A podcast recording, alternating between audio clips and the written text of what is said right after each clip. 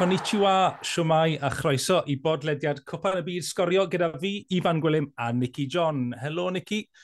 Peder gêm y dydd nawr. Anodd gwylio popeth erbyn hyn? Hi, Ifan. Um, Edi, ti'n gwybod be?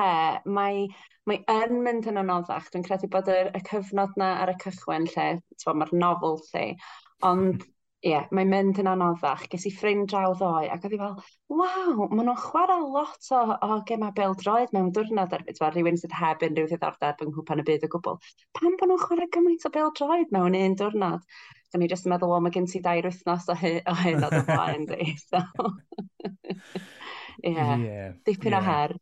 Ie, yeah, mae hwnna, fi, fi wedi llwyddo i cadw rhyw llygedyn ar bob gêm, ond os chi heb lwyddo i ddilyn y newyddion i gyd, mae grwpiau E ac F oedd ar yr agenda heddi a dyma'r penawdau. Sioc fawr arall di marcher wrth i Japan giro yr Almain o ddwy gol i un. Sbaen yn gyffyrddus yn y gêm arall yn grŵp E, yn curo Costa Rica o saith gol i ddim ac yn edrych fel ffefrynnau clir i ennill y grŵp nawr. Gêm ddi sgôr oedd i ddechrau'r dydd rhwng Morocco a Chroatia yn Grŵp F, yna Canada yn creu argraff dda yn erbyn Gwlad Belg, ond yn y pen draw, Gwlad Belg yn curo o un gol i ddim. E, e, unwaith eto, e, Nicky, mae reit amlwg lle mae angen ni ddechrau trafod heddi, yr Almain 1, Japan 2. Diwrnod arall, sioc arall. Uh, gyda, yeah, mae fe'n troi mas i fod yn cwpan y byd llawn siocs. Ydy, mae hi, a dwi'n gwybod oedd ti'n sôn um, ddoe am y ffaith bod ti'n licio gweld yr Almaen yn so, wneud yn dda ac yn mynd yn bell yn y gystadleuaeth. Um, oedd e jyst yn gwbl anisgwyl, dwi'n meddwl, i weld Japan yn dod allan fel nath yno. Ond hefyd, falle bod yna alfen o amharch efo hynny hefyd. Oedden ni wedi cymryd yn ganiataol, falle bod ni'n mynd i weld tîm um, be oedd y gair nes i drio dweud ddoe, disgybliedig fel yr Almain yn dod allan twad, i natur nhw dod allan yn awdurdodol ac ati a jyst yn mynd ar gêm.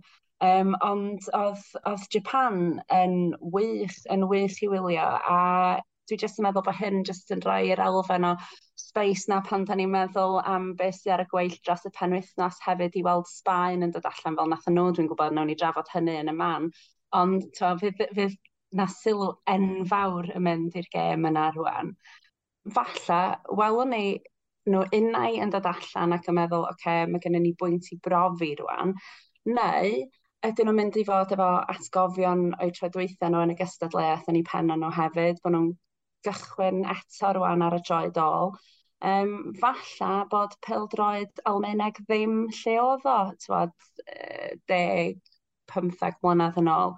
Um, so ie, yeah, fydd hi'n ddifur i weld beth ddigwyddith rwan. Mm, be sydd hmm, ddiddorol, achos bod e, dim jyst yr Almain sydd wedi colli mae'r ariannu'n dyn neud, a mae yna dim siocs, ond so, mae yna lot o tîmau eraill yn neud gwell na'n disgwyl, falle Tunisia uh, ymysg nhw, a well, Canada yn, uh, nes mlaen uh, yn y dydd. Um, Mae'r diddorol bod y gêm yn erbyn, uh, yr Almain wedi digwydd bron o bod yn drinio'n rhywun peth ar gêm ariannu'n Saudi Arabia, bod yr Almain wedi mynd ar y blaen o'r smotyn, cael mm. gol wedi wrthdroi ar VAR, a wedyn ni yn yr ail hanner, y tîm o Asia, sydd wedi arfer chwarae yn y dwyrain canol lot fwy na mae yr Almain wedi wneud, lot fwy na mae'r Ariannin wedi wneud. Nhw'n dod mas ac yn creu argraff o cael dwy gol yr underdogs. A, yr ail gol i Japan, Takuma Asano, oedd hi yn finish gwych. Uh, falle dyle... Ie, yeah, oedd e'n, falle dyle maen nhw'n oer dyn nhw'n well, ond um, ei, oedd e'n, ar ongl na, mae'r lot o parchu asano. So, ac i'r neutral hefyd, so, mae hyn yn hyfryd i weld ydy, jyst gweld y tîm a falle da ni ddim yn disgwyl i, i wneud yn dda ac i gymryd pwyntiau, yn tynnu pwyntiau oddi ar y cewri yma. Mae'n neud y gystadleuaeth gymaint, wel, mae'n neud bob dim yn gyffroes dydy. Dwi'n dall, wrth gwrs, neu ond un gêm sydd wedi cael ei chwarae yn bob grŵp erbyn hyn. Ond ie, mae'n jyst yn dod â chydig o gyffro i fewn i'r holl beth um, yn hytrach na, twad, rhywbeth da ni'n disgwyl gweld yn digwydd. Ie, yeah. mae'n ma teimlo fel cwpan y byd agored iawn, ond fel ti'n gweud, mae ma rhai tîm yn ni ddim yn disgwyl yn dda, a un o'r rheini oedd Costa Rica, a mi o'n nhw yn sal yn erbyn Sbaen. Sbaen saith gol i ddim, a o'n nhw'n just chwarae llawn hyder nag o'n nhw. Sicrhau buddigoliaeth mwyaf erioed yng Nghwpan y byd. Uh, Be nes ti o'r gêm yna? Ie, yeah, wel, tywed, oedd Oedden ni'n sôn um, yn y benod blaenorol am y ffaith bod Sbaen falle heb cyrraedd yr un uchelfannau yn ystod um, twa, cwpan y byd tro dwytho rawn na'r tro cynt um, ers codi'r slws yn 2010 a bod yna gyfle i waed newydd creu argraff a gosod ei stamp ar bethau. Rwan, ar yr un ochr, um, welson ni hynny heddiw yn dod, chwarae teg, mi welson ni hynny, ond ar y llaw arall, oedd Costa Rica yn gwbl, gwbl anobeithiol, felly Dwi'n yn credu bod nhw wedi cael ergyd um, o gwbl heb sôn am ergyd ar darged. Um, felly, tywed, oedd hi fatha Sbaen, Cewri ar y llwyfan yma yn erbyn rhyw Sunday League saidd yn doedd. A um, ydy hynny felly wedi rhoi argraff ffols i ryw raddau o ba mor dda ydy Sbaen. Tywed, rili really edrych ymlaen rhan i weld sut mae pethau mynd yn erbyn yr Alban. E, Alban? Nid yr Alban. yn erbyn hwnna yn sioc. Mae hwnna'n gystadleuad arall. Ie, um, yeah, really edrych ymlaen i weld sut maen nhw'n gwneud yn erbyn yr Almain, achos... Yeah. Mae'r so, gêm na yn masif. Honna gêm. Ie, mae'n masif. Achos ti'n disgwyl i Japan giro Costa Rica hefyd yn y gêm nesaf. Mae wedi i Costa Rica chwarae fel yna. Ar so, Japan... heddiw. Ie. Yeah. Mae Japan yn mynd i fod â chwech bwynt. Felly, mae rhaid i'r Almain dir o Sbaen, really. A mm. fel o Sbaen heddi, mae'n mynd i fod yn anodd. Yn grŵp F, gwlad Belg yn curo Canada o gol i ddim, ond dim cyn i Canada rhoi braw i wlad Belg cyn dechrau. Nhw oedd on top yn y munudau agoriadol, a cafon nhw gyfle o'r smotyn i fynd ar y blaen, Nicky. Do, um, a ti'n gwybod be? Uh, rhaid i ni ddweud, pob bod i Canada oherwydd, dwi'n meddwl, heb law am sgorio, bod, gorffan symudiadau ddeu broblem nhw heddiw, oedd yn teimlo fel bod nhw'n neud bob dim arall.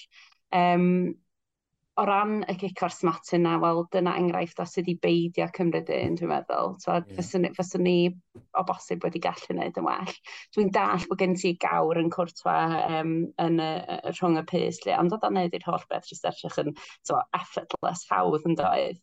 Um, a dwi'n gwybod bod ti yn bersonol yn fan o la Belg, ac o'n i'n meddwl amdano ti'n ystod y gêm yn wyndro be, be oedd argraffiad y di o bethau. Ie, yeah, well, seiclo sydd wedi cael fi mewn i'r obsesiwn yma gyda Gwlad Belg, a mae yna okay. dywediad pan mae rhywun yn seiclo, pan mae rhywun yn rasio'n dda yn Gwlad Belg, um, mae gyda nhw diamond in the legs.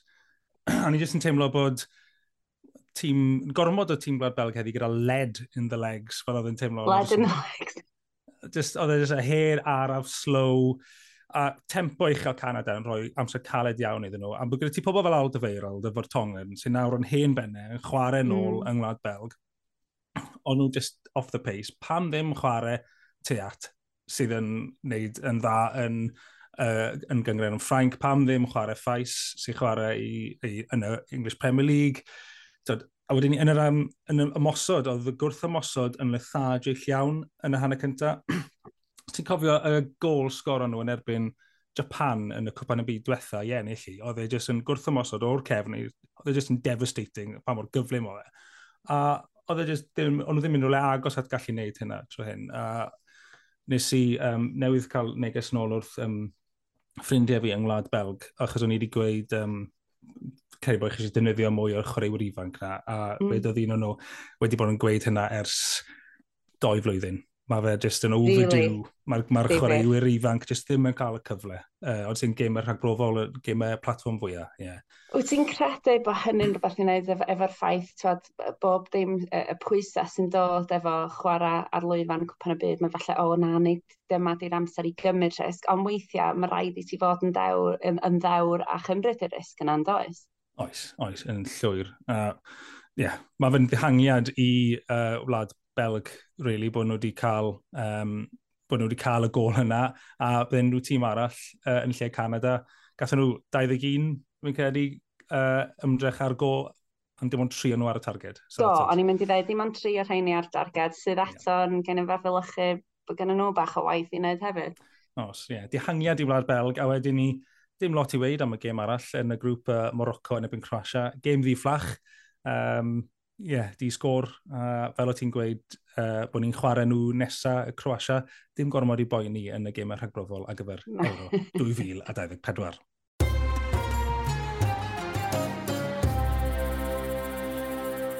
Cyn i ni droi at gemau fori, be am i ni fwrw golwg ar Gymru?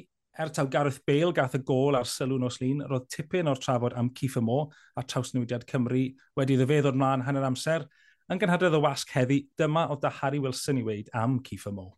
Yeah, I think every, every, every, everybody could see the, uh, the, the impact Kiefer made when he came on the pitch.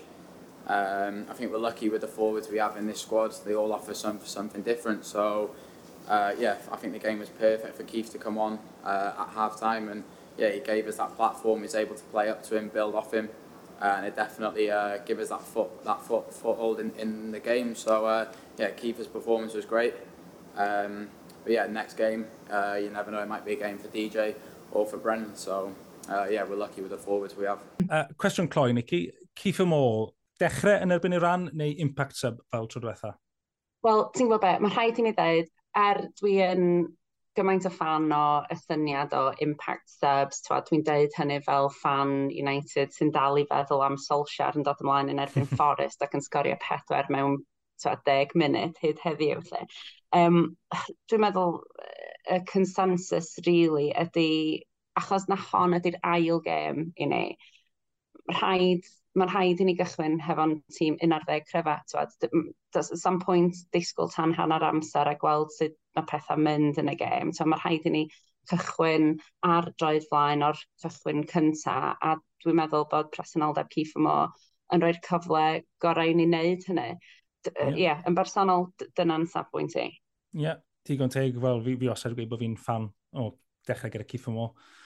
Uh, newyddion da arall i Gymru heddiw yw bod Joe Allen yn ymarfer gyda'r garfan wrth i fe ddod nôl o'i anaf. Bydd Robert Page yn siarad yn gynhadledd y wasg ffori, so cewn ni weld beth sydd â fe i weid am Joe Allen, Ciff Mo a paratoadau'r garfan wrth i ni edrych mlaen at gêm ran yn y pod fori.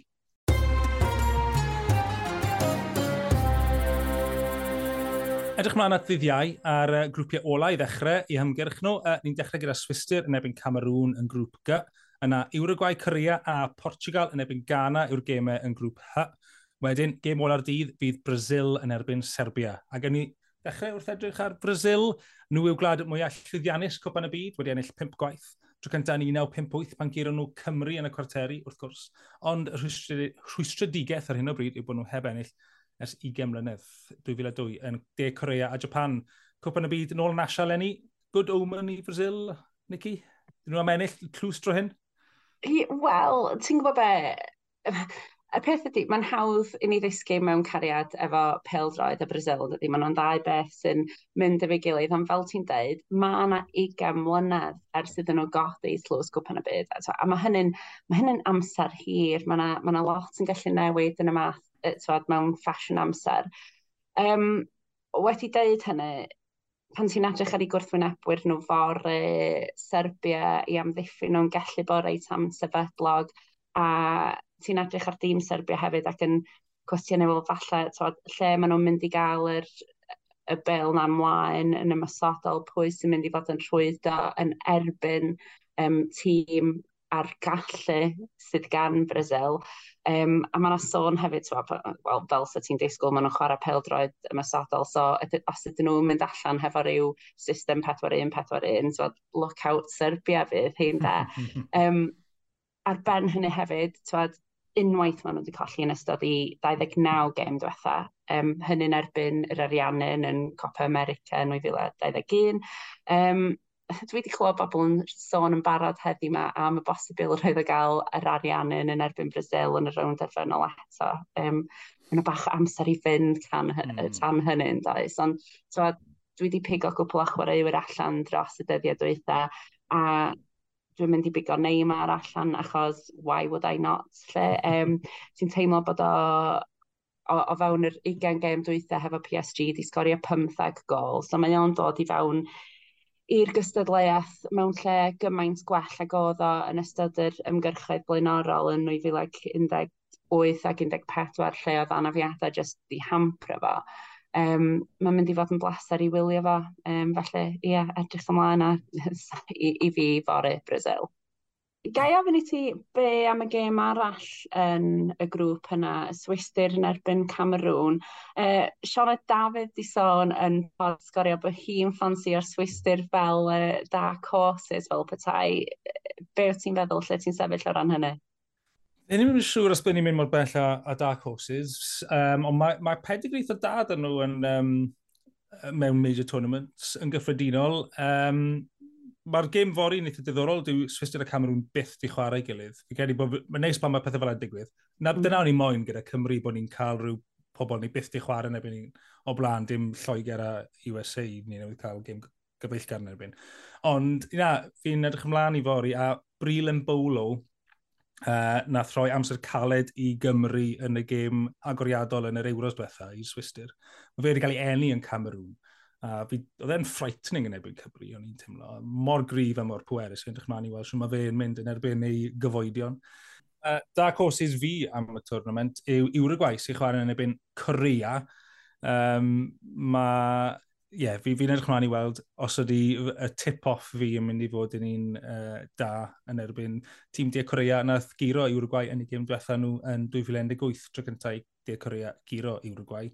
Uh, y gêm arall yn y grŵp na, Portugal-Ghana, a fi ddim moyn no, dechrau ti off ar rant llwyr chi, uh, ond so, gyda beth sy'n digwydd gyda Cristiano Ronaldo yn gadael Man United, distraction i'r garfan cenedlaethol? Um, ydy, dwi'n mynd gweld sut fedr y beidio fo. Dwi'n meddwl bod yna elfen o amharch yna. Um, y ffaith bod y newyddion yma wedi dod allan jyst deudydd cyn i gêm agoriadol nhw yn y twrnament. A so ti'n gweld hyd yn oed heddi wrth wylio rhywfaint o'r ddatganiad i'r wasg oedd um, Portugal yn cynnal. So, yr holl gwestiynau oedd y reolwr Fernando Santos um, yn gorau wynebu ynglyn â Ronaldo a twod, be oedd ei barn nhw a be, twod, dim dyna lle mae o eisiau i'w ben fod cyn i gêm agor i'r ardal, dim dyna lle mae o eisiau i, i ben i dîm o fod, a hefyd, twad, lle mae pen Ronaldo ar hyn o bryd. Dwi'n mynd dweud, pan eitho allan ar y cae, wneith o wneud be mae Ronaldo yn wneud, siŵr gen i. Ond, twad, mae o jyst yn anffodus, dwi'n meddwl, bod o wedi gadael um, y clwb um, mewn ffordd mor sur a hyn, um, ond wedi wneud be oedd o wedi wneud a chynnal y cyfweliad yna efo Piers Morgan, dwi'n yn siŵr sut arall fysa'r holl beth wedi gallu dod i ben i fod yn hollol onest. Diolch am y sgwrs unwaith eto, Nicky, a diolch i chi adre am ymuno gyda ni. Mae yna wyth gwlad yn aros i ddechrau hymgyrch cwpan y byd yn grwpiau G a H, a fyddwn ni nôl fori i drafod siwt nath nhw. Felly ymunwch gyda ni eto. Tan hynna, sayonara.